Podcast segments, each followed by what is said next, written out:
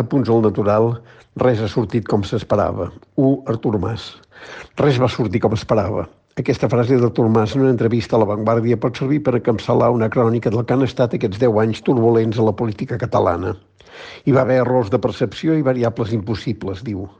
La majoria absoluta de la dreta espanyola el va dur a convocar eleccions a 2012 mm, per molt que alguns l'advertissin que després d'un any i mig de retallades era impossible que el partit genuí de les classes mitjanes catalanes no fos castigat i ni el cop de porta de Rajoy quan li va demanar un pacte fiscal, ni el viatge a Itaca i altres exaltacions de les pulsions sobiranistes varen poder evitar la pèrdua de 12 escons i, en conseqüència, del lideratge del que venia després, obligat a compartir espai amb les diverses i no sempre amigues sensibilitats de l'independentisme i es varen succeir els entrebancs fins a la seva sortida per la porta del darrere a les eleccions de 2016 sota la pressió de la CUP, cedint pas a Puigdemont per no convocar unes eleccions que s'havien posat de cara per Esquerra.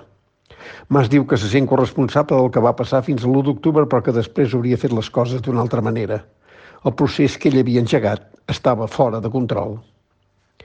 2. 14F. Tres anys després, amb la complicació afegida d'una altra variable inesperada, la pandèmia, estem en vigílies d'unes eleccions a les que ningú sembla capaç de donar una perspectiva, un horitzó polític que permeti sortir de tres anys de repressió i de reiteració de faules que la realitat desmenteix, des del recolzament d'Europa fins a la capacitat de confrontació democràtica dels catalans. De manera que ens encaminem imparablement a unes eleccions dominades per miserables pugnes de veïnatge, sense voler assumir la realitat més elemental, que la independència no està a l'ordre del dia. Què es juga el 14F? Si arriba primer Esquerra o Junts per Cat. Si guanya Esquerra s'obre una mica el joc i pot haver més d'una opció de coalició de govern i Junts entrarà en un període de descomposició i redefinició. Les primàries per acompanyar Puigdemont i Laura Borràs han confirmat una deriva cap al neoliberalisme que fa difícil entendre que Jordi Sánchez i altres puguin seguir en la partida. Si Junts perd el comandament tindrà fugues arreu.